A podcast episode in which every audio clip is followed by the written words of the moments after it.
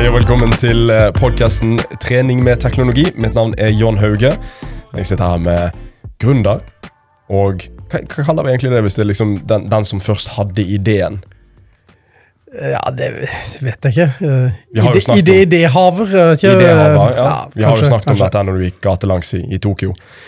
Ja, altså, men, men når det skal Åsmund Tveitvold. Ja, men når det er sagt, så var det jo bare en, en første idé, og tenkte at det å lage en eh, kraftplate som var lett å bruke, Mm. og som folk som, som jeg kunne bruke, da.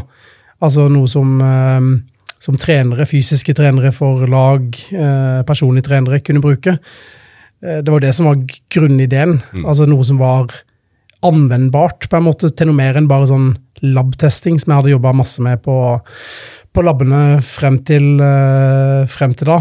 Eh, så, og så ble det jo noe helt annet. Altså Det ble jo vanvittig mye mer sexy enn det jeg kunne, det jeg kunne tenke meg. Altså Det ble jo en helt uh, sinnssykt kul look på det. Det var jo uh, mange lyse hoder som sammen fant ut av veldig mange kule løsninger. Uh, som gjør at det er noe At det er blitt noe helt, helt unikt i, i, i mine øyne. Og anvendbart er jo litt sånn nøkkelord for podkasten og det vi skal snakke om i dag. Men vi er her på Tananger treningssenter med Johannes Jåsson. Mhm. Velkommen. Jo, takk. Eh, Det er vi som er gjest hos han, da. Ja, velkommen Men, til meg. Jo, tusen Takk, takk. takk, takk. Og det var jo litt sånn, påpekte det nå når vi sto og så på, på plattformen som står nede på, på senteret ditt her, Mhm. at uh, spurte Åsmund om han syntes det er litt sånn kult å komme andre steder og så se liksom, ideen da, kom til live. Han har jo vært ute på treningssenteret en god stund, altså det er ikke det, men, men Mm. det er noe spesielt på en måte når du ser en idé som du har holdt på med i så mange år. Mhm.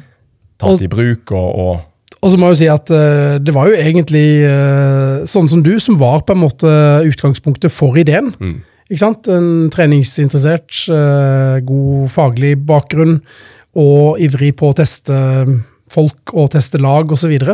Det var jo akkurat det som var grunnideen den gangen, eh, den gangen ideen kom. Så Men hvordan, litt, eh, sånn, første gang du tenkte på det, hva Altså, øh, jeg har jo snakka litt på poden om det før, så jeg skal ikke ta lang, lange utgaven av det, men, men øh, det var egentlig at øh, jeg kom i kontakt med en professor i, i Tokyo.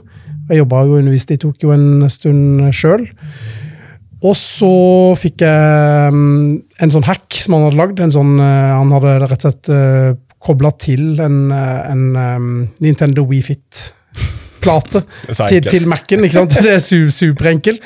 Og så fikk du opp uh, Sway liksom på balanse, og du fikk opp Force og, og alt sånt. Mm. Og da ble jeg supergira. Da kjøpte jeg jo massevis av Nintendo Wii eh, Fit-brett. Jeg har de, har de faktisk ennå. Det? Ja, men de er jo knust, de fleste av dem. For at, det var sånn eh, Jeg tålte jo ikke så mye.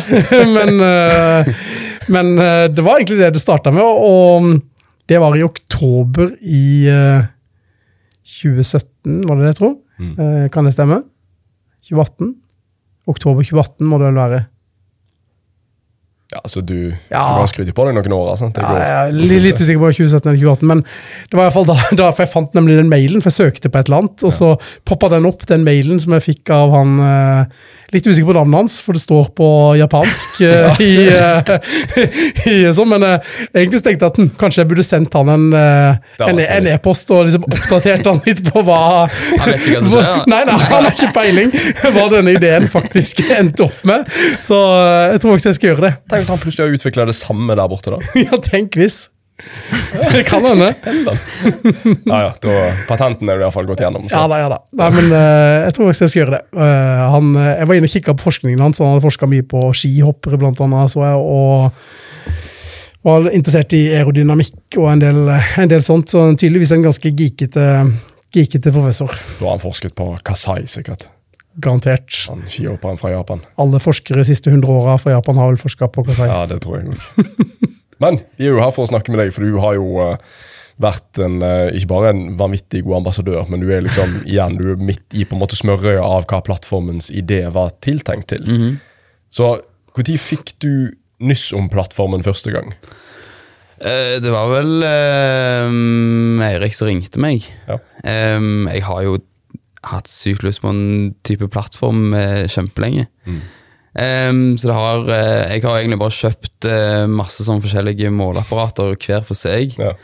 Um, så Exurgo har uh, en sånn eh, spenstmålere. De har en sånn eh, isometrisk eh, måler. Eh, I tillegg til at jeg har hatt en sånn enkoder eh, som måler hastigheten på stanga. Så jeg har liksom hatt eh, eh, i forskjellige deler, men som jeg har tatt med meg da på, på trening. Så, mm, så koster det jo mye med en, eh, en plattform, så det har, jeg har ikke prøvd å overtalt de som er med i styret, eller det er jo resten av familien, da. um, så jeg tenkte det var litt uh, lost case. Uh, det var liksom bare jeg som kom til å bruke det. Men eh, så ringte han, og han, eh, han girte meg. eh, for jeg, eh, had, da hadde jeg nettopp òg tenkt på Da hadde jeg sittet på de Hawkins-plattformene. Så tenkte jeg, jeg kan bare prøve å ta de med, og se på de plattformene. For de, eh, de er ikke med, med, var ikke så vant med treningssenter før vi åpna det. Eh, det er da broren min og mor mi. Og du, åpnet, du sa du åpna treningssenter i, i, helt i starten av covid 2020. Ja. Ja, det er um, sterkt, altså. Så, de, eh, så lenge de får sitt ting og blir interessert i det, så er de ganske lette å selge eller kjøpe, eller hva du kaller det. Men, eh, så de var med bort og så på han, og de så eh, at det var mm, en eh, kjekk ting som medlemmene òg kunne få nytte av. Mm. Så mm, da fikk jeg ønsket mitt. Nå har jeg liksom alt samla på én plass, så jeg slipper å stå med alle de forskjellige apparatene. Ja. Så um, ja, det var vel sånn, sånn jeg fikk han inn.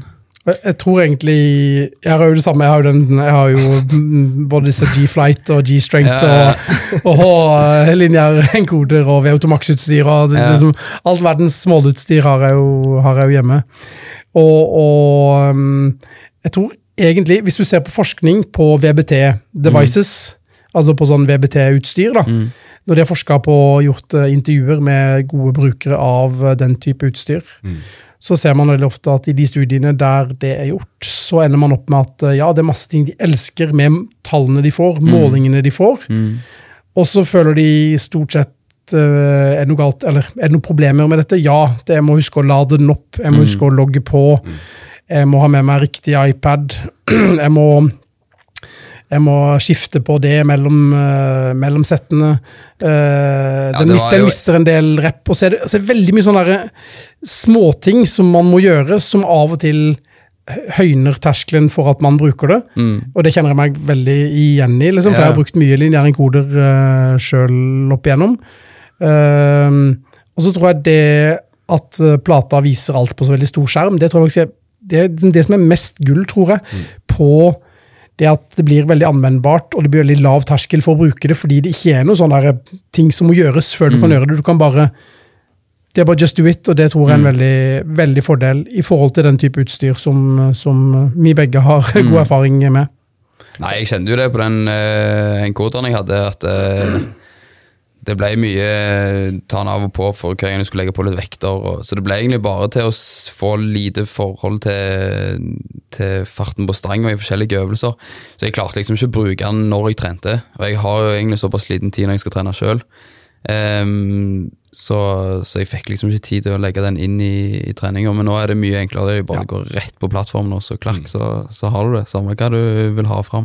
Og så er det noe med at uh, hvis du da autoregulerer da, og, og finner ut av etter settet at du egentlig burde stoppa på fem reps når du tok ti, så, så er det fint, det, men det er jo for seint. Det er for sent, ja. Skaden, er- skaden er liksom skjedd. All is lost. Og, og så er det, det er gjort uh, ganske mye forskning på liksom det med altså det at man ser resultatet mens man gjør det. Sier du nå at hvis du Altså, burde vi lagt inn en sånn på skjermen, for eksempel, at når du da kanskje tar en rap for mye, så kommer det sånn uh, uh, uh. Så, sånn, Litt sånn Skjebnesymfonien, kanskje, Ja. eller et eller annet sånt. Ja, det skal jeg notere Ja, ned på. over. Ja, ikke sant? Begynner å styre styggere og styggere ord, kanskje, på Vent at du blir hamra ned, eller et eller annet sånt. Da er det, da er det gamification. Altså Ja, den, da jeg tror vi- de fleste hadde likt den der KO fra Tekken. For Vi hadde faktisk en studie, vi, holdt på med, eller vi er akkurat ferdig med en studie på Stavanger Oilers igjen, eh, med, med feedback. Og um, der skulle de jo stoppe da på på It's Enough liksom skulle komme opp på skjermen på den ene gruppa. De hadde ikke trafikklys, de hadde da bare én del av feedbacken, men It's Enough kom opp. Men da var det en som, uh, som bare ropte 'ikke pukker om jeg stopper nå'. og så måtte de liksom tvinge han av plattformen, eller de måtte sånn tvinge han tilbake, tilbake til trekket. Men jeg tror han fikk, jeg tror han fikk sneke seg til en rep for mye. Men uh, Han leser liksom 'Can't handle more pussy'. ja, han tok det som en, ut, han tok det som en utfordring, liksom. og jeg tror fordi at disse, de her, Når du har det gjerne på mobilen, da, ikke sant? eller på iPad, eller hva du har, så er det veldig li- lite veldig lite synlig. og Da tror jeg jo at den feedback-effekten blir veldig lite, Ja. lite mektig. Og Nå skal vi snakke om det seinere, men den studien vi gjorde på Oilers nå, da, der ga vi to ulike typer feedback til eh, Jeg tror de var 17 i hver gruppe. Um, U20 og U18 spillere. Og den ene gruppa fikk jo da vanlig feedback, sånn som du kjenner, fra med trafikklys og, og løftehastighet og, og, og prosenttap av løftehastighet. Den andre gruppa fikk eh, da bare løftehastighet og it's enough, ingen farger på skjermen. Og så ser vi jo da at um, når vi tar postmålinger, så ser vi liksom at den gruppa som har fått full oppvartning med lys og hele alt sammen, de ender opp med to til tre ganger så stor fremgang i uh, counter movement jump, i keiserleggpress, i, i uh, CMJ, i, i kne, NRM i knebøy, altså i hele, over hele, mm. hele fjøla, bare på at de får en bedre, mer forståelig, litt sånn gamification-feedback. Og det syns jeg det syns jeg er helt sykt. liksom At uh, vi mennesker er så enkle at bare det at vi får beskjed om at nå er lyset gult, så nå må du ta deg sammen, uh, at det gjør at uh, Den advarselen gjør at vi, sjekker, at vi skjerper oss så mye at kvaliteten på det vi gjør, blir, blir så god. Det er kult. Jeg syns jo litt sånn med løping òg, at vi, jeg prøver jo å si at vi tar, vi tar ganske mange dårlige avgjørelser når vi er veldig sliten. Og når vi er veldig glad for den saks skyld. Vi skal ta mye, mye dårlige avgjørelser. Men, men eh, når jeg løper, og hvis klokken min gir meg feedback i forhold til vibrering, når jeg på en måte nærmer meg slutten på en intervall, eller noe sånt, så gjør det på en måte at jeg kan ha fokus der jeg skal ha fokus. Og så tar det litt av denne å sjekke klokken og sjekke hva jeg løper. Altså, jeg vet ikke, jo mindre jeg trenger å forholde meg til når jeg skal fokusere på prestasjon, jo bedre. Når du da bare har Du slipper til og med å lese That's enough, eller sant? Du bare du får så store visuelle feedback at igjen, det er bare idiotsikkert. Jeg tror det, og særlig når man er sliten, så Nå trodde jeg egentlig at du skulle foreslå vibrering på plata, men uh, så jeg bare det, da tror jeg Alexander og de skyter meg. så, det, så det skal jeg ikke ta opp. Så hvis de hører på denne her, så skal jeg ikke ta det opp på Greit, greit. Stryk det. Men du, har jo, eh, du tok jo plattformen ganske tidlig i bruk, og sånn som jeg og deg snakket om før podcasten her, så har du på en måte Du er en som utforsker nesten alle muligheter. Så du har jo vært ikke bare en sånn superbruker, men du har jo egentlig bare nesten snudd platen opp ned, og så hamret løs på den med medisinballer og alt mulig, liksom, for å Ja. se hva som, hva som funker. Det er litt spennende, altså. For oss å se på liksom, at noen bare Altså, Vi har jo våre ideer om hva plattformen kan brukes til, og så plutselig ser vi liksom på Instagram at her er det en fra Tananger som har brukt den på helt nye måter. Altså, Jeg var usikker på om han hang på veggen, eller om han lå i gulvet når jeg kom inn her, liksom. Jeg Så lenge jeg får beskjed om at han tåler alt, så eh, Ja, kan jeg bruke han til alt. Det gjør. Men den prosessen der fra starten av, da. Hvordan, har du alltid vært sånn at du bare åpner alle dører og, og tester og sjekker? og... Jeg har jo, jeg er jo um, Vet ikke, jeg tenker alltid, alltid kritisk til ting. Og så er det ehm, Så er det dette her med Jeg føler liksom det er noe som vi ikke har utforska ennå. Ja. Og så ser jeg jo en del på eh, hva de holder på i, med i USA, med den fysiske treninga der, og jeg føler de ligger så sykt langt foran oss. her. Så siden det ikke er noen her som eh, tar det inn, så må jeg eh, prøve, prøve sjøl på ting. Ok, Hva, hva er det mest crazy du har gjort til nå? Liksom, eh, kan, du, kan du beskrive det for, for Ikke oss? si jeg er så crazy, men eh, jeg har ikke noe sånn eh, jeg kommer på. Altså, Hiving av, av baller, det, det var én ting, ikke sant? Ja, Det så jo ikke så veldig smart ut å kaste de ballene på den plata. Det gjorde det jo ikke. Eh, men nei, jeg har ikke noe sånn eh, Fikk du noen måling som du kunne bruke? Ja, det er jo genialt. Jeg bruker dette her daglig, eller ikke daglig, uh, ukentlig nå. Em, på spesielt eldre. Um, jeg har en eldre PT-kunde, og de vet liksom ikke helt hvordan de skal gi full innsats. Nei. Em, så, ba jeg, så prøvde jo jeg ut å kaste den alt jeg hadde i plata. Um, var litt sånn usikker på å tåle dette her, men så tenkte jeg hun kan iallfall kaste. For det er, kanskje, det er ikke like hardt. så, så det som skjer nå, er at eh, hun går jo inn i seg sjøl og finner krefter der som ingen visste fantes. Så um, Og i går, var det vel eh, med, Så får hun ny PR da, for, for hver gang. Så i går hadde jo hvert sett så hadde hun ny, ny PR da i, eh, i Newton. da. Konge. Så det um, jeg, jeg sliter liksom med å finne andre øvelser som får, og spesielt de eldre, til å finne igjen det der eksplosive. For det er jo mye av det de trenger. Ja, Ja, ja. definitivt. Og jeg tror, jeg tror det, altså, det er jo mange ting vi kunne snakka, tatt tak i, det du sier der, men, men jeg tror det der med å finne nye PR-er Det var liksom en av når vi fant ut av det at vi kunne måle løftehastighet. Og da var det første jeg tenkte oi, shit. Her kan vi få PR på alt mulig ting. Her kan Ja, vi få PR på I dag var det høyest gjennomsnittshastighet på 100 kilo du har hatt noensinne. I dag var det høyest uh, gjennomsnitt på alle seriene. I dag hadde du tre single reps som var raskere enn eh, de tre. Altså, du, du kan liksom bare sammenligne i det uendelige og finne sånne små seire, sånne små mestringer for hver eneste treningsøkt. Som gjør at en trening som egentlig føles lik ut som den forrige, da, kan du illustrere at oi, shit, her eh, ja, var du bedre til det, her var du bedre på det. Og med da å feire, liksom, feire alle seirene, så tror jeg motivasjonen vil, vil stige, stige mye.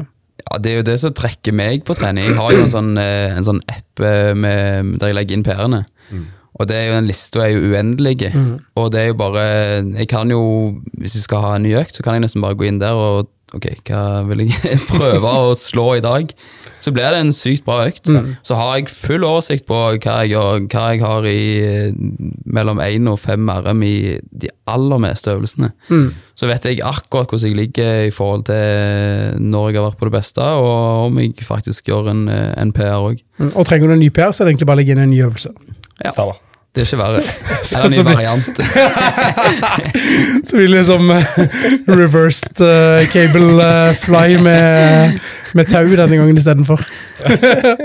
Nei, altså det jeg, altså jeg er akkurat samme. Og det er jo litt sånn Westside Barbell-inspirert, akkurat det der, med liksom alltid å ha mange varianter der du jakter, eh, jakter 1-5 RM PR-er. Jeg syns det er en veldig kul måte å, å trene på. Det å slå loggboka, det var liksom en ting som jeg på, på slutten av 90-tallet ble veldig bevisst på når jeg leste Dante Trudell, en, en, eh, en kjent skikkelse i bodybuilding, som hadde en veldig sånn klar måte å tenke på den gangen, som, som senere er blitt bevist at, at var ganske fornuftig.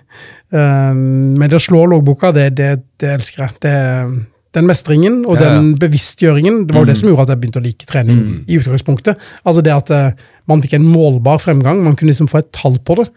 Og så er jo litt problemet da når man har trent veldig lenge, det er jo det at uh, the law of diminishing return, altså du må liksom gjøre så veldig mye for å øke i det du er blitt veldig flink i. Så da må du bare finne andre måter å finne seirene på. da. Ja. Altså finne på nye ting, eller uh, leite der du ikke har leita til nå. Som da kan være VBT og løftehastighet, Mm. uh, for eksempel.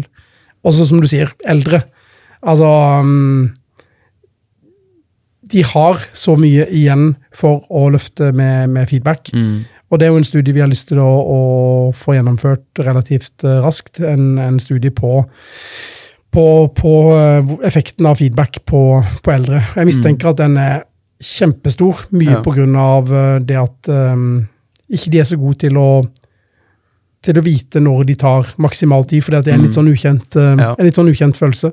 For de som ikke har gjort kjenner jo egentlig at den, der, den eh, folkehelse-PT-en i meg, på en måte sånn, for å løse samfunnshelseproblemet vi har, så kjenner jeg at det nå begynner å sånn, pirre veldig på å liksom, få, få det gjort. På grunn av at der må jo altså Skal vi ha en eldre generasjon som tåler mer, og, og som kan være mer motstandsdyktig og gjerne kan jobbe i flere år, sant, som, som mest sannsynlig blir en realitet, for å få landet til å gå rundt, så, så er jo sånn type trening bare helt enormt effektivt for dem.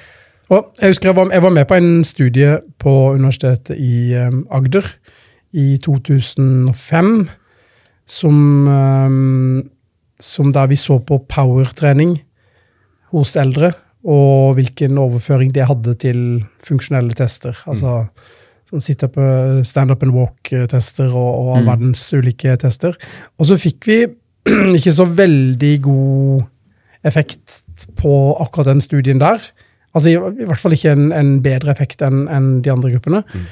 Og det tror mangla da, det var nok en feedback. Ja. Fordi at de skulle få beskjed om å gjøre det så eksplosivt som mulig. Jeg tror ikke Nei, jeg- jeg tror ikke det er nok.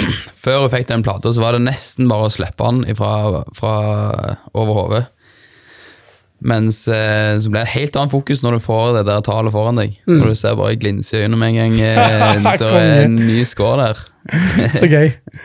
Så kult. Og tenk når man kan ha brukerlagring, og da i tillegg bare kan få opp det på skjermen direkte, kanskje Mhm. Ja. etter hvert. Eller uh, få en notification med en gang som man Mhm. har fått en ny, uh, en ny PR. Så hvis telefonen din dirrer med liksom ny, ny, ny, ny notification, på en måte, at Mm. rett etter du har sluppet den ballen, eller gjort alt du kan, så er det ny PR liksom, kommer opp der. ja. Så etter økten så kan du bare bla igjennom. Kanskje med litt lyd òg. ja. Ja, ja. Fanfare, Den kanskje. PR-bjella. ja, det, det, det, det, det, Altså, det men- er en kjempeidé. Men, men det, er jo, det er jo litt på en måte um, Altså, Av de som lytter på denne podkasten, så regner jeg med at det, det kan godt være det er litt god blanding. Men vi er jo på en måte i kontakt med veldig mange som både forsker og, og liksom legger veldig mye av både sjelen og hverdagen sin ned i å finne prosentvis resultater av hva som er best i ditt og datt. alt mulig sånn. Men, men den, den største utfordringen vi har, er jo på en måte å få folk på trening sånn, uten å ta det for alvorlig, så er det jo eh, Vi snakket om det litt i forhold til hva du gjør med Tananger treningssenter, og at jeg skrøt veldig av deg i forhold til hva du legger ut på sosiale medier. I forhold til å få det til å se ut som at han leker på trening. Sant? Og ha det kjekt, og at det ikke er noe sånn A4-formel du er nødt til å forholde deg til. Og at du kan gjøre mye gøy og kan ha det kjempekjekt, liksom, og, og senke terskelen for at nye folk kommer inn her og tester.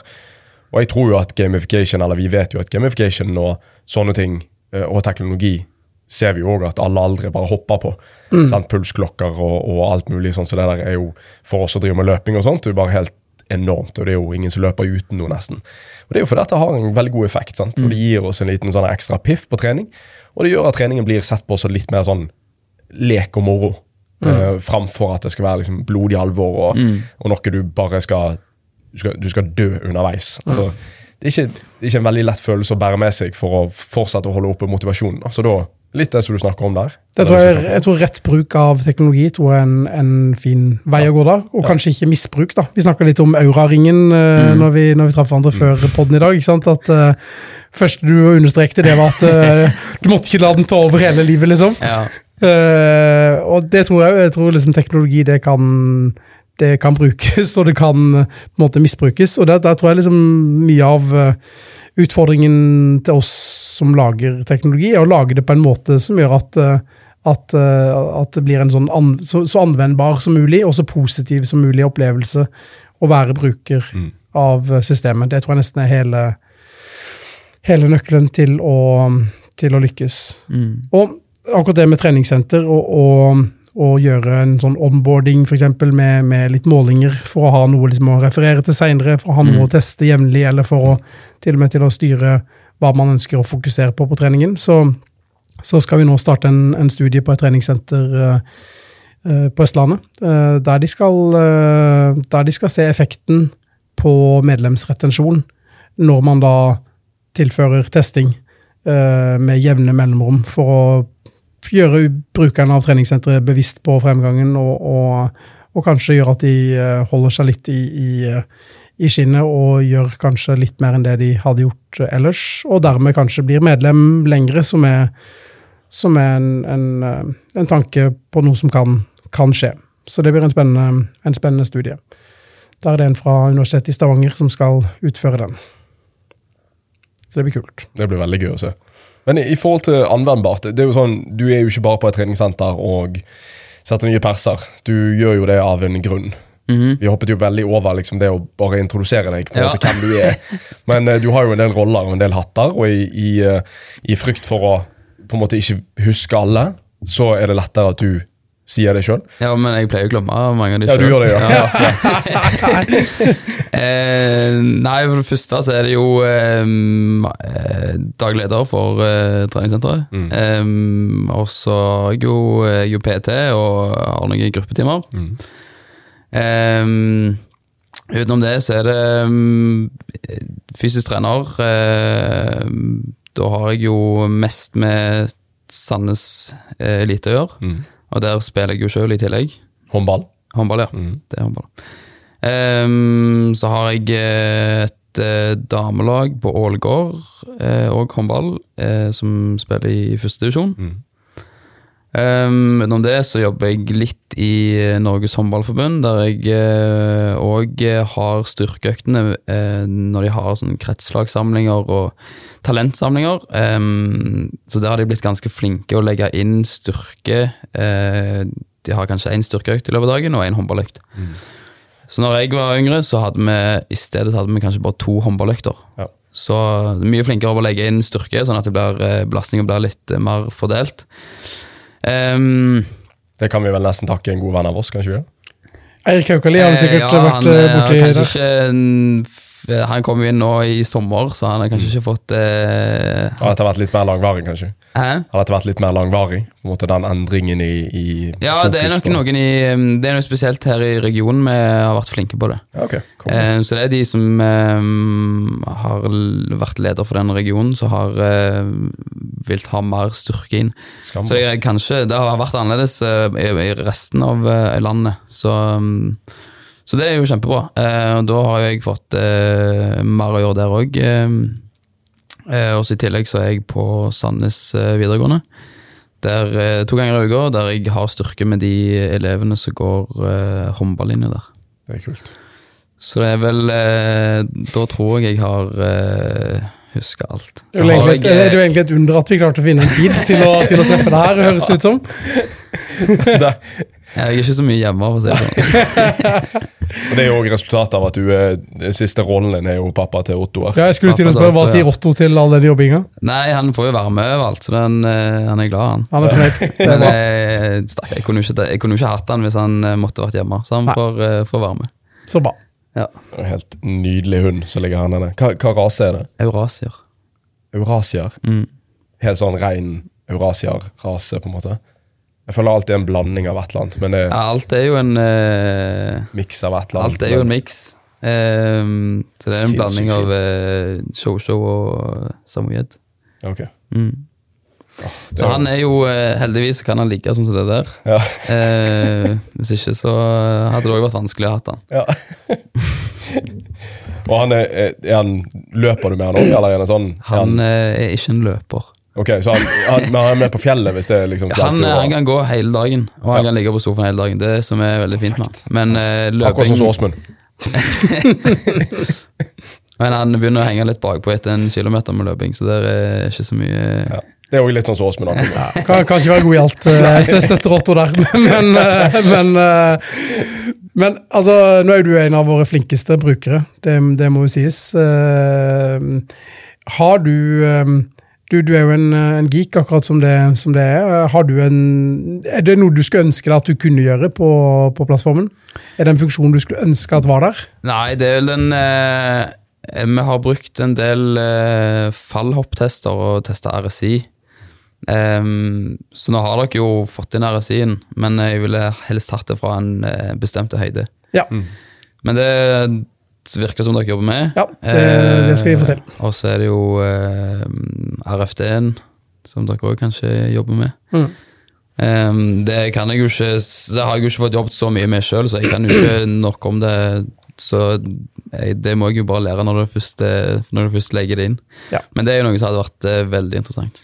Rate of force development, altså hvor raskt Ja. du utvikler uh, kraft, eh, hvor bratt den eh, kurven er. Mm. Veldig, kan være et veldig nyttig, nyttig tall, kanskje særlig i forhold til readiness og, og, og så videre.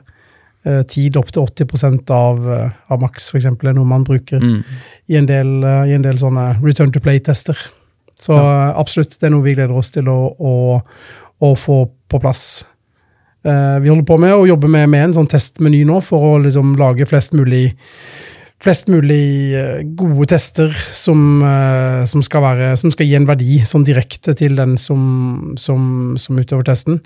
Um, og det tror jeg egentlig kommer til å være midt i blinken for uh, de som bruker det, særlig som fysisk trener, da, eller hvis du er eller fysioterapeut for et lag for eksempel, og skal, skal holde styr på, på basenivået til spillerne. Mm. Og ha en sånn return to play-verdi å gå ut ifra. Mm. Um, så der tror jeg det kommer mye spennende i, i tiden som kommer. Ja. Jeg tror jeg òg litt av suksessfaktoren med et sånn type testbatteri tror jeg er like mye å få utøveren som skal bruke det, eller personen eller mosjonisten eller hva det skal være, til å forstå prosessen og forstå resultatene, som at treneren forstår det. At de får en relasjon til De får et helt annet forhold til det. det mm. ja. Første gang jeg tok eh, spensttester, eh, eller første gang jeg tar på de lagene jeg har, så er det Først så er det litt sånn hva dette er, det kanskje ikke interessant engang. Og så med en gang de hopper, så er det bare wow, dette her må vi jo prøve å gjøre bedre og bedre og bedre. Så da, da blir det nok litt mer eh, obs på at eh, de vil prøve å øke det fram mot eh, neste gang. Nå hadde vi jo Dennis, som er tidligere Oilers-spiller og nå fysisk trener for Stavanger Oilers. Han, han var jo med på, på, den studien, da, som han var til stede under, under testingen og, og, under treningen på den studien med to forskjellige feedbacks. Og han, midtveis så begynte jo han bare å joine, fordi han syntes det her var så jæklig gøy. ikke sant? Han ble liksom gira. Han hadde egentlig ikke likt knebøy noen gang, men nå elska han det. Rett og slett fordi at så jeg tror liksom, Hvis jeg kan fantasere videre litt der Det er jo en litt off-script, men, men, jeg tror hvis man klarer å finne en veldig smidig måte å teste på, en smidig måte å teste mange på, og en smidig måte å, å teste enkeltpersoner mm. på, der det, der det, flyter veldig lett, der det er veldig lav terskel for å gjøre det. Mm. Og hvis man i tillegg kan få en verdi, altså et tall, en score, som er normalisert ut ifra kjønn, alder eh, og forutsetninger, og kan og, og, kan parallelt med det ha en treningsmodus på plattformen, uh, der du vet at ok, jeg hadde lav score på den, mm. men høy score på denne. Mm. Da bør jeg fokusere på power i knebøy. Jeg bør uh, hoppe det og det hopp-programmet mm. og konsentrere meg om å ha best mulig verdi der og der. Altså At man da kan velge hvilken, hvilken metric som kommer opp på skjermen, f.eks., for eksempel, mm. uh, fordi man kan øve på akkurat det. Så lenge man kan liksom finne en måte å sy sammen testingen og la den få konsekvenser for treningen, og så skape treningsmoduser med feedback, mm. da tror jeg man har en eh, Da tror jeg man har en ekstremt effektiv måte å bruke testingen til noe, noe fornuftig. Trene alt fra aldre til, til toppidrettsutøvere. Ja, ja det, det, det, vil gjelde, det, vil jo gjelde, alle. Uh, og det vil være like spennende for alle. Kanskje aller mest spennende for de som har litt lav motivasjon i utgangspunktet. da. Ja, absolutt. For det er jo kanskje de som trenger, uh, trenger den gamification, eller denne, det som gjør at du blir ekstra tent på å trene. Mm. Ja, at du begynner, at folk som jeg tror nok de fleste mosjonister har på en måte litt uh, av og til vanskeligheter for å forstå hva treningen skal føre til. Mm. For du, Jeg tror det er lett for de å, å, tenke at ja, ok, men det gjør meg sterkere i ditt og datt i, i, hverdagen. og sånt, Men i forhold til treningsresultater så er det hva fører en, en sterkere knebøy til. Mm. Hva andre ting kan jeg bli god på hvis jeg trener knebøy? Hva andre ting kan jeg bli god på hvis jeg hopper litt? Sant? Og, og det å gi dem en sånn liten visualisering om, om uh, både hva retning du skal gå for å gjøre ditt og datt. og Du bare trenger ikke alltid gjøre folk så ekstremt mye mer kunnskapsrik, men du kan iallfall gjøre dem litt mer på en måte bevisst på hva valgene de tar, fører til. Ja, og, um, og altså, det, Der tror jeg du treffer spikeren midt på hodet. Hvis du klarer liksom å få hvis du klarer å vise at det de gjør på trening, faktisk uh, gir mm. en effekt ganske raskt Det er litt sånn som vektreduksjon. Mm. Hvis noen skal gå ned i vekt, så vil man jo ideelt at de skal gå veldig seint ned i vekt. veldig ofte. Mm. Men hvis de går veldig veldig seint ned i vekt, så ser man jo at uh, så går de på vekta da hver dag, og så er det litt opp, litt ned, litt opp igjen. Og så mister de motivasjonen fordi de får liksom ikke det svaret, de får liksom ikke den seieren som de da trengte for å holde på motivasjonen for å fortsette å gjøre de, de gode valgene. Jeg, så jeg tror det å finne liksom en måte å gi reward for uh, den mm. innsatsen man gjør uh, Det kan jo òg switche litt, for det er mange som kanskje melder seg inn, og så tenker de at målet er å gjøre noe med hvordan de ser ut. Mm. Og Det tar kanskje litt lengre tid enn det å få resultater med på styrken. Ja. Så det å få fokus over på å bli sterkere, mm. hva gjør at de kanskje holder lenger, eller aldri slutter å trene? Det tror jeg er en utrolig god tanke, og, ja. og, og, det har liksom alltid vært min min, min måte å gjøre det på er at jeg liksom får de med en gang over til å fokusere på noe som er målbart, i litt større grad enn hvordan du ser på deg sjøl i speilet om morgenen. fordi at av og til er man eh, tøff i pysjamas, og av og til er man dust i dress, ikke sant, som, eh, som De Lillos synger. Eh, Så, så det er liksom ikke en sånn der, det er ikke noe, noe som skjer fra dag til dag i i speilet. Men de endringene ser jo du nesten minst ut av òg. Det vil man òg. Man ser seg sjøl såpass, såpass, ja. såpass ofte. Mens derimot det å få et tall, altså det å få Mm. en eh, pers med to kilo, eller så og så mange newton, eller så og så mange centimeter, Mm. det er jo mer sånn Oi, det er mer et klart bilde på det. Mm. Det, tror jeg, det tror jeg er gull. Også, jeg har ofte, ofte prøvd å illustrere det når jeg har snakket om uh, dette med å gå på jobb. Sant? Du går på jobb uh, 24-25 dager i måneden, men du får bare lønn én dag i måneden. Sant? Og Allikevel så klarer du å komme deg på jobb, motivere deg for åtte timer liksom pluss pluss hver eneste dag ellers, fordi at du vet at den lønnen kommer der. Sant? Og du vet hva det fører til. Du vet hva du kan kjøpe. Sant? Enten det er matvarer eller bil og hus og, eller gå på kino og sånne ting. Så du vet på en måte hva dette, Det blir så anvendbart. Sant? Du forstår hva dette går til. Mens når du går på treninger, så hva, hva, hva ligger i andre enden? Sant? Det er ganske sånn, De fleste vet ikke det. Om det ikke da skal være vektnedgang eller visuelle endringer på kroppen, så må du ikke vite nødvendigvis helt når de kommer. Så kan du på en måte gi dem ganske mye på trening som gjør at eh, valgene de tar utenfor trening, ikke har så mye å si.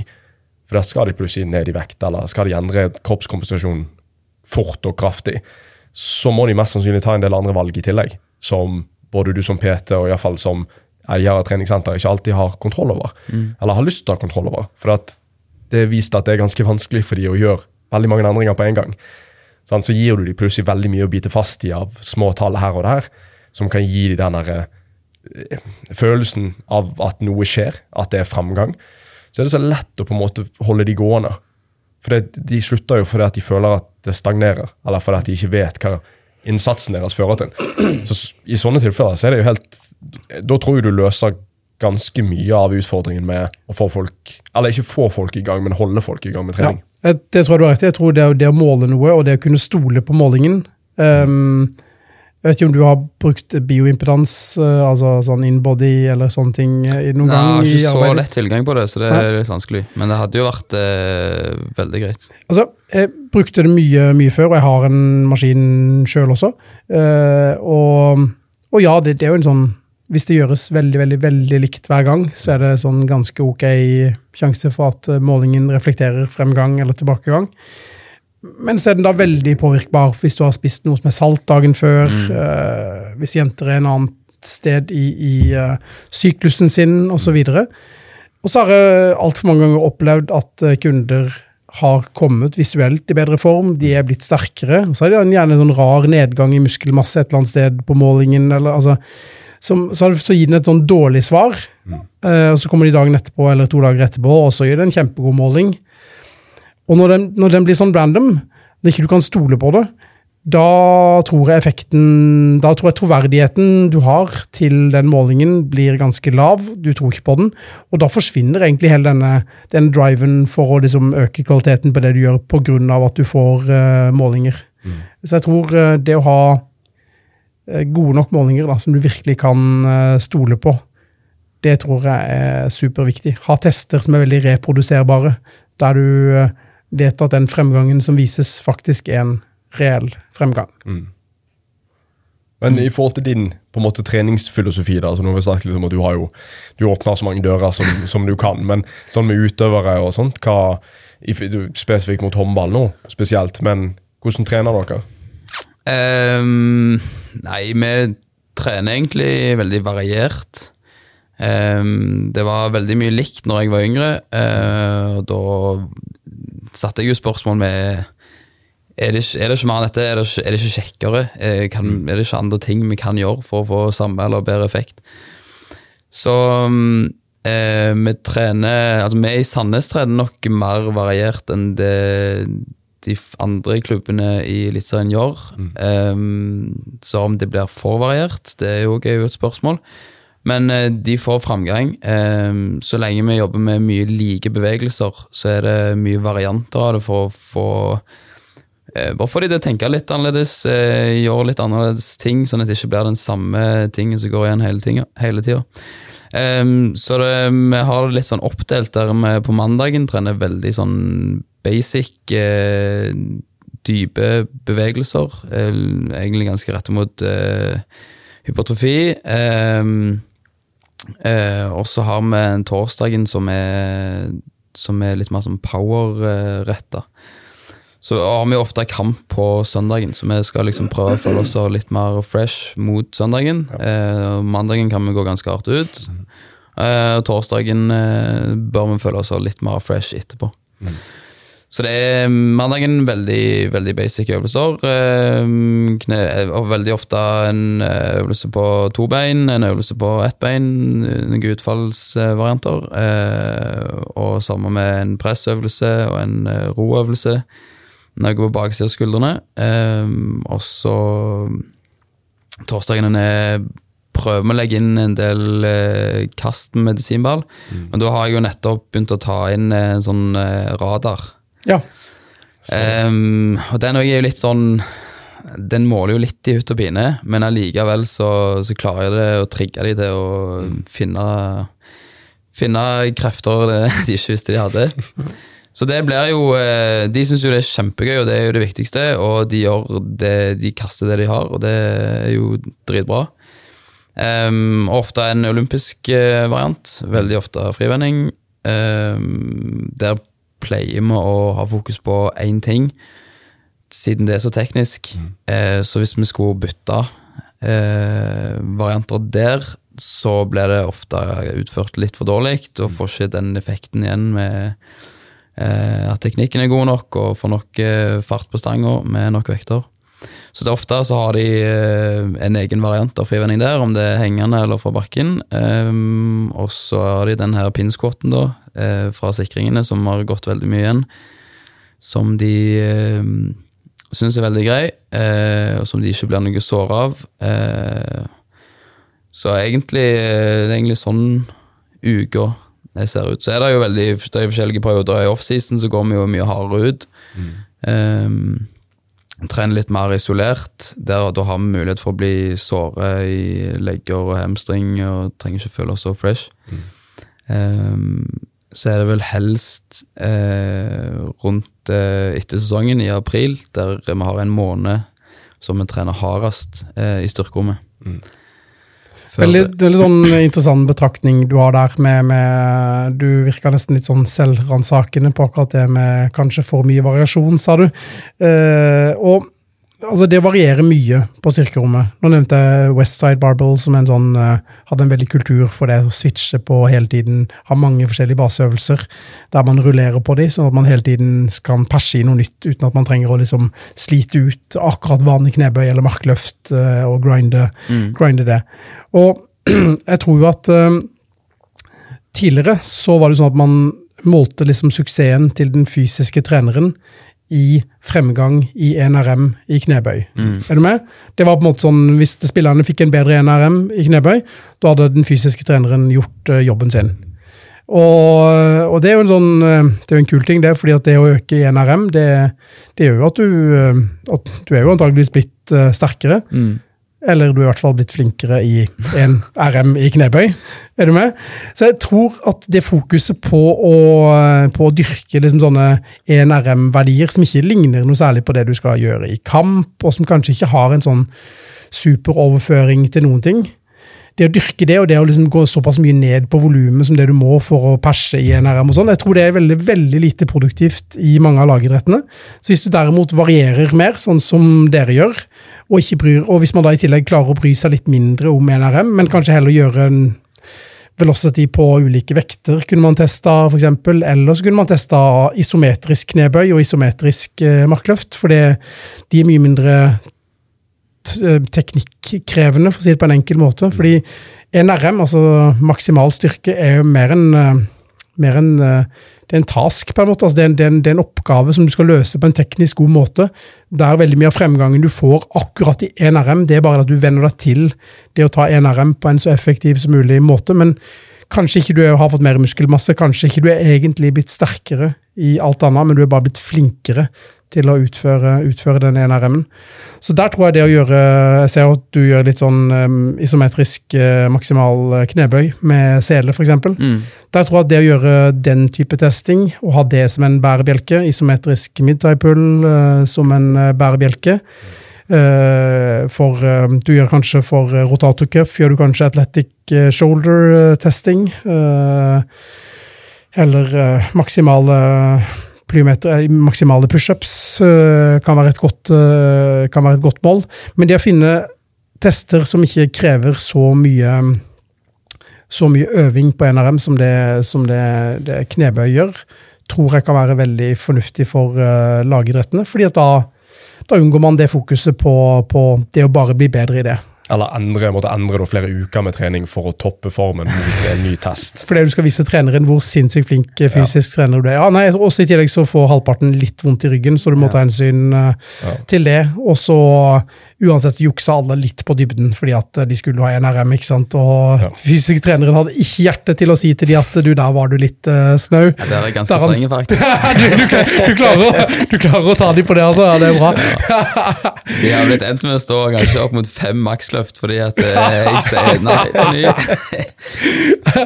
Så det, der, der har jeg veldig tro egentlig på mer variasjon, mer fokus på treningsgleden rundt det. Så lenge Ja. man løfter med intent, så lenge man løfter med, med full eh, effort. Og så kanskje heller uh, teste andre ting enn uh, en disse maksløftene. Men da vil jeg prøve meg på noe, at, eh, og dette har jeg ikke tenkt gjennom. Så hear me out. Jeg er jo ikke trener for et eh, større idrettslag, og håndball har ikke jeg hatt noe med å gjøre. Men jeg prøver av og til å, å jobbe meg liksom bakover når jeg planlegger trening, for jeg syns det er litt kjekt. Og da er jo på en måte, for din del, da, sier du trener ungdom, sant? de er rundt 16, de som du, av de som du trener. Eh, De er iallfall ungdommer sant? og skal forhåpentligvis holde på med dette en stund. Og Da vil jo først og fremst det viktigste være at de ikke slutter med idretten. For da er på en måte mye litt bortkasta som slutter tidlig. Det andre er jo at de ikke bør bli skadet. For det vet vi i alle idretter koster ekstremt mye fremgang. Og psykologisk er ganske tungt å, å komme seg gjennom. Og da blir det litt sånn Din jobb er jo heller på en måte ikke når de er 14, 15, 16, 17, 18 og blir verdensmestere.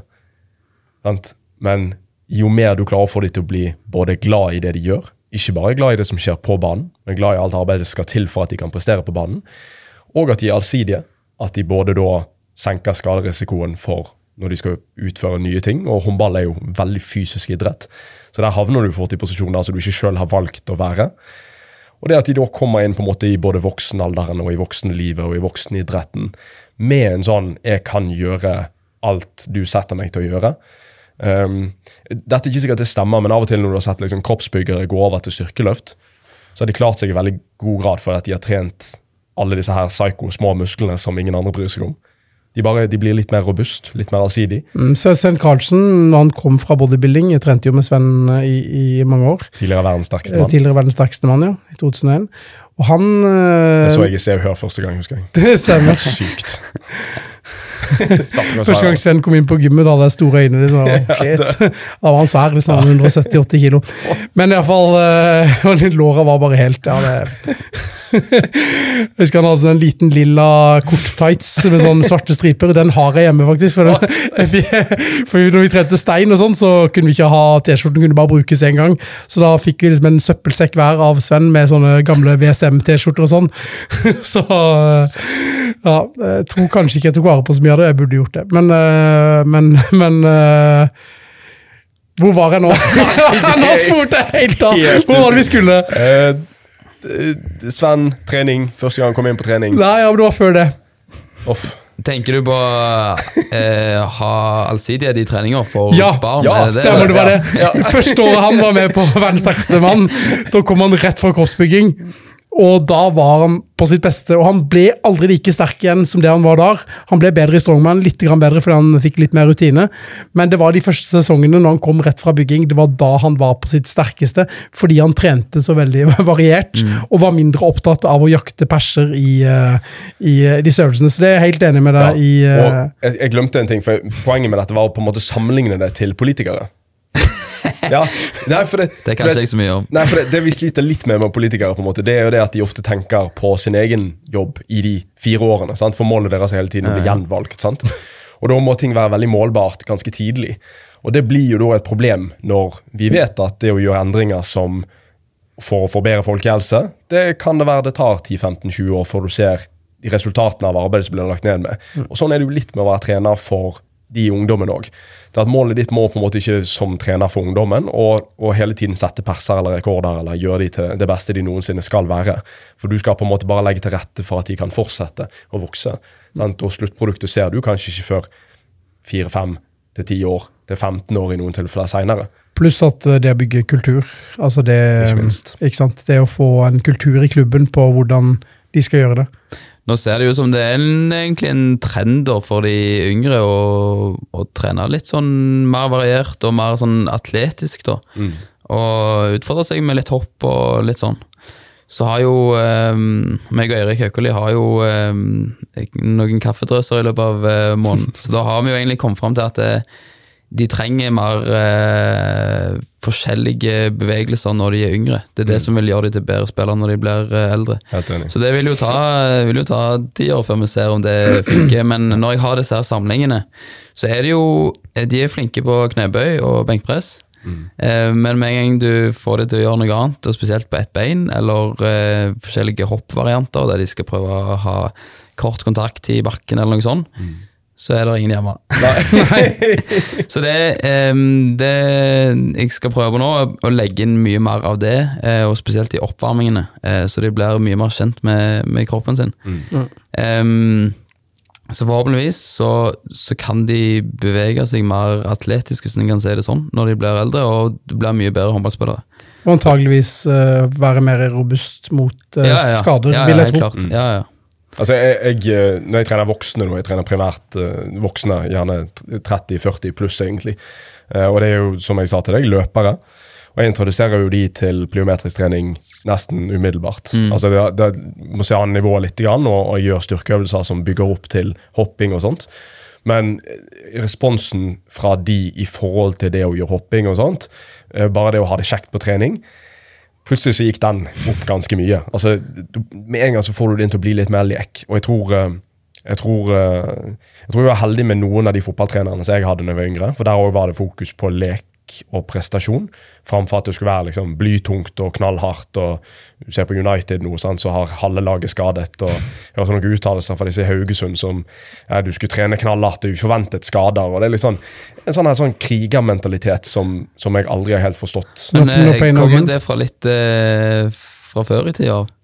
Det gjør nok det. Jeg føler det altså, henger absolutt. litt igjen, fordi eh, det jeg òg hører mye av det. Og så har jeg eh, fra både eh, PT-kunder til eh, lag og kar, så er egentlig fokus på bare ha det kjekkest mulig i løpet av den økta. Mm. Det, det er jo noe som du sikkert merker med dine PT-kunder òg, at når man trener noen på en smart måte altså no, ikke, ikke tenke no pain, no gain, men uh, no brain, no pain heller.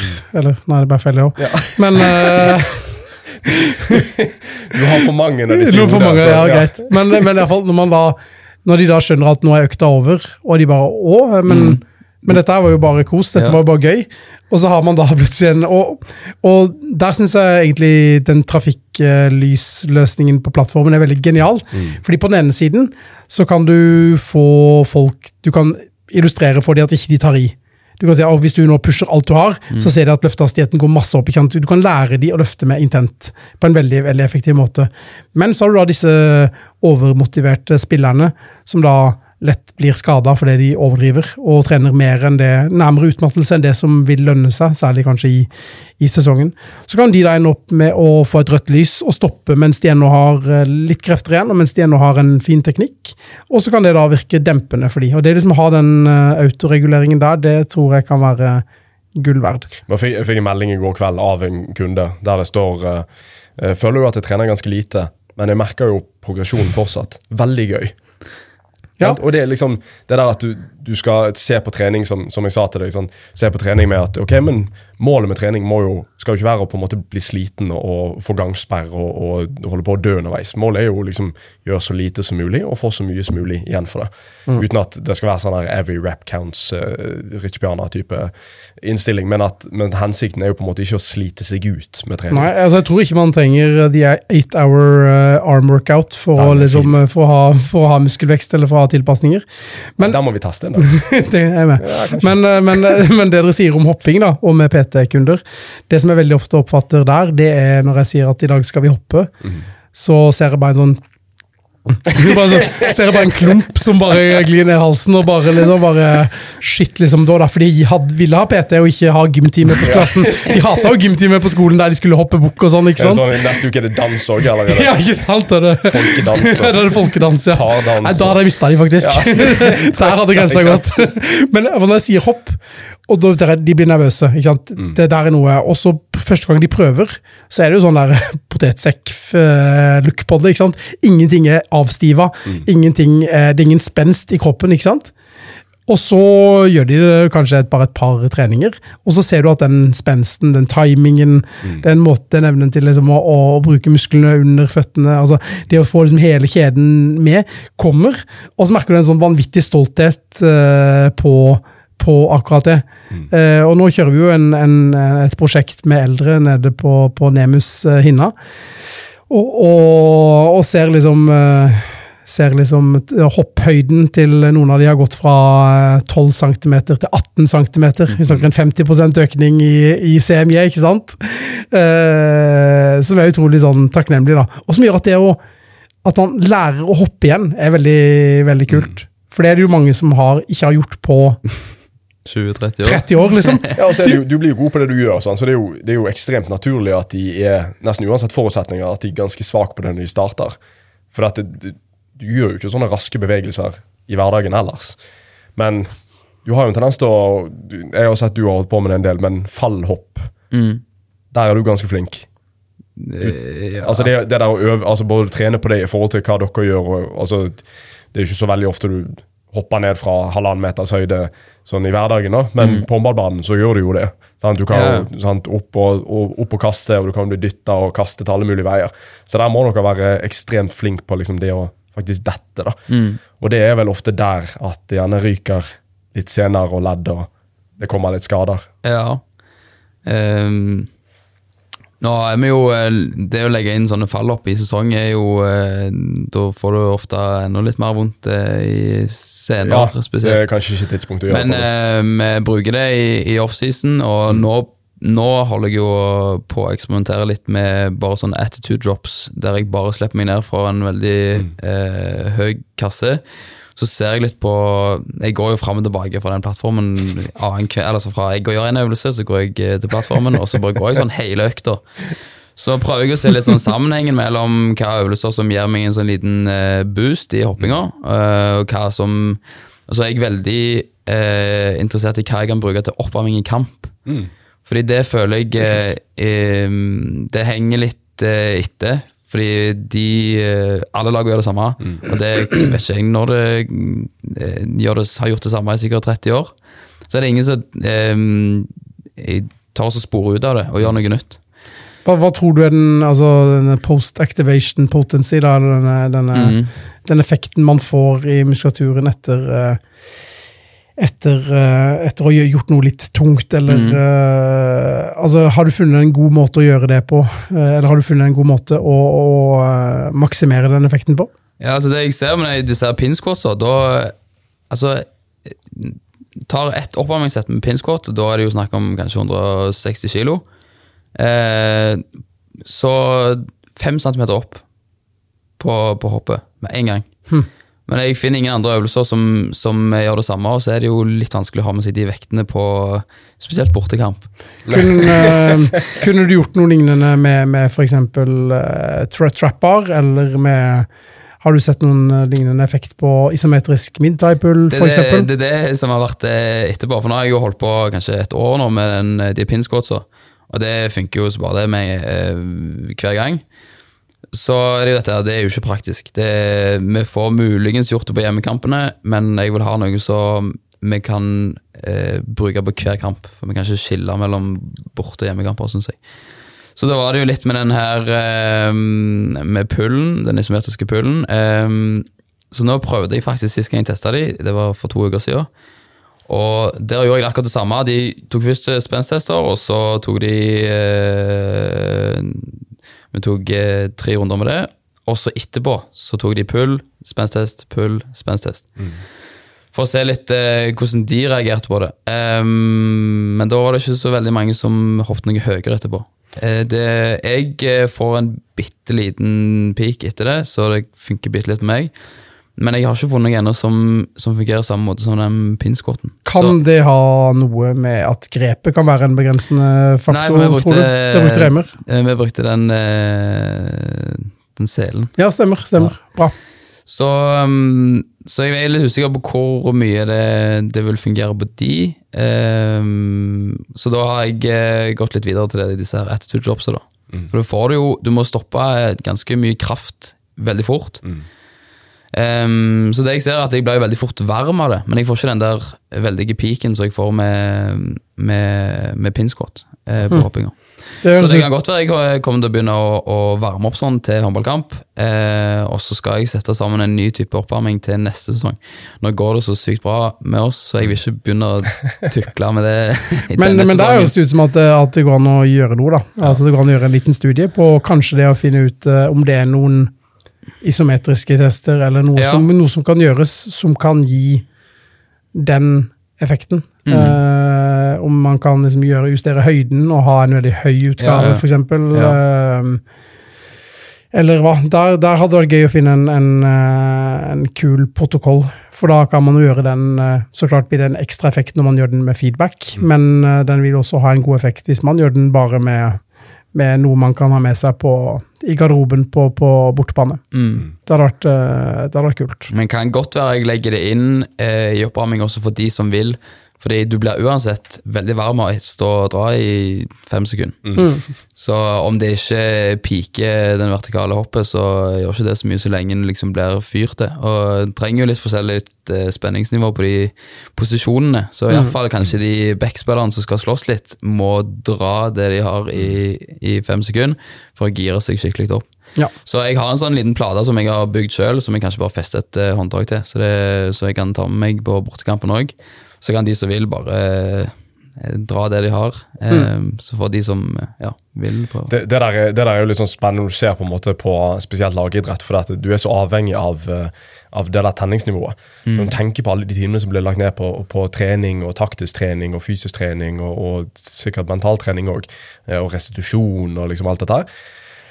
Og så kommer de på en måte på kamp, og så ser det bare ut som liksom elleve sånn daukjørte idioter som løper rundt der og, og så vidt gidder å løpe etter ballen. Altså, refererer til United akkurat nå. Men, men det er litt sånn um, Jeg hørte på den United-podkasten òg, så sa de at uh, disse her som styrer han, når de er på kamp og sånn, så ser de koser seg og har det kjekt på oppvarming og smiler og leker og, og har, det, har det gøy. da. Og så blåser fløyten, og så er det bare en helt annen innstilling. Og da kan du tenke deg hvor mye som forsvinner. Du savner eh, Roy Keane, du, liksom. Om jeg gjør. Om jeg gjør. Nei, men Det er liksom, det, er- det der å ha tenningsnivå på en måte. Jeg husker liksom, når jeg spilte fotball, så var på en måte de, de går veldig offscript der. Men så de aller kjekkeste treningene var når det var eh, det regnet litt, sant? det var gjerne litt kjølig, og, og noen kom inn med litt sånn stygg takling tidlig. For da kom tenningsnivået. Og den, de treningene var helt ville. De, du var så fyrt opp. sant? Men- Lange, harde taklinger i knehøyde, liksom. ja, ja, ja. Sant? Og det, du, du ønsker ikke noen godt. Sant? Du bare, det er det Roy Keane mot Haaland på en måte all over again hver trening. Nei, men Det har så mye å si. for at du kan, Jeg har jo hatt oppvarminger til trening og nei, til kamper der alt vi har gjort, har vært stått og slått langpasninger. liksom. Og Det kan jo være veldig gode kamper, men, men tenningsnivået er jo, er jo ikke der. Og For håndball, og spesielt og ishockey og en del andre idretter, som krever liksom den der, både det hyperfokuset og den voldsomme sånn all, alt, Du skal krige, sant. Så er det jo, du er jo kjempeavhengig av at folk er flinke til å skru av og på denne bryteren. Og Det er jo en treningssak, det òg. Hvis den er for mye på, så blir man jo på en måte utkjørt av, av det også. Det er Ja. noen som har det problemet, som bare går rundt og er rett og slett for på. Ja, ja. Um, Så, Ja, så det er har noen av de. Ja. De bommer på taklingen, og så får de utvisning. ja. men da er jo liksom denne protokollen for, for å gjøre noe i forhold til oppvarming eh, At det ikke er et veldig stort fokus på til vanlig. da. Det er litt sånn spennende å se, gjerne se en utvikling på. For det, vi har kommet ganske langt med, med mye forskjellig idrett i løpet av de siste årene, men, men det er jo sikkert en del eh, områder som fortsatt eh, svikter litt. Ja, jeg føler den oppvarmingen, den henger igjen. Ja. ja. Det er det den er en mobilitetssirkel, og så er det litt eh, jogging fram og tilbake, kast og skyte på keeper, og så er en eh, klar for å spille. Det, så er det mange spillere da som har gitt uttrykk for at de er ikke varme når, eh, når kampen blåses i gang. Nei. Og det er den, den derre den derre- Det å løfte med intent, ikke sant, og, og den ene studien som vi snart skal publisere på bloggen, med der vi så på effekten av å gi feedback, og så ta den bort igjen. Der man så at eh, det å gi feedback hadde en kjempestor effekt, eh, og så tok man vekk feedbacken, og så holdt effekten seg ganske bra. Eh, Det er nok mye bare med det å lære å skru på også. Og jeg vet jo at Sandnes Ulf trener jo en del av spillerne, trener styrke, bare power, med veldig lite hastighetstap på kampdag. Fordi at, Og så varmer de opp igjen til kamp seinere, og så føler de at de har en god nytte av, eh, av det. Og sjøl så har jeg jo egentlig alltid trent styrke før jeg skal løpe maraton, f.eks. Da trener jeg alltid styrke først, fordi at jeg Vet ikke, det, det hører liksom Jeg trener styrke hver dag alltid, så det å ikke gjøre det, gjør at jeg føler meg litt sånn sluggish, på en måte. Um, Når jeg løp, løp eh, drev med sprint òg, så var det jo det verste jeg kunne gjøre, var jo å ta en dag fri ja. før vi skulle løpe. Og iallfall før du skulle liksom gå fort, eller du skulle være tester og sånt, eller løp. For du blir helt sånn øh. Og, og med tanke på treningsteknologi også, så tror jeg det liksom å kunne kunne bekrefte effekten av sånne tiltak. Det å få gode RSI-tester, eh, pålitelige målinger eh, som man kan, eh, kan stole på. Enten det er eh, repeated power ability eller hva nå det er. Altså det finner gode og enkle måter å teste det på, sånn at man kan bruke det ofte for å styre treningsarbeidet og for å se effekten av ulike tiltak. Tror jeg kan være, tror jeg kan være en, en bra ting.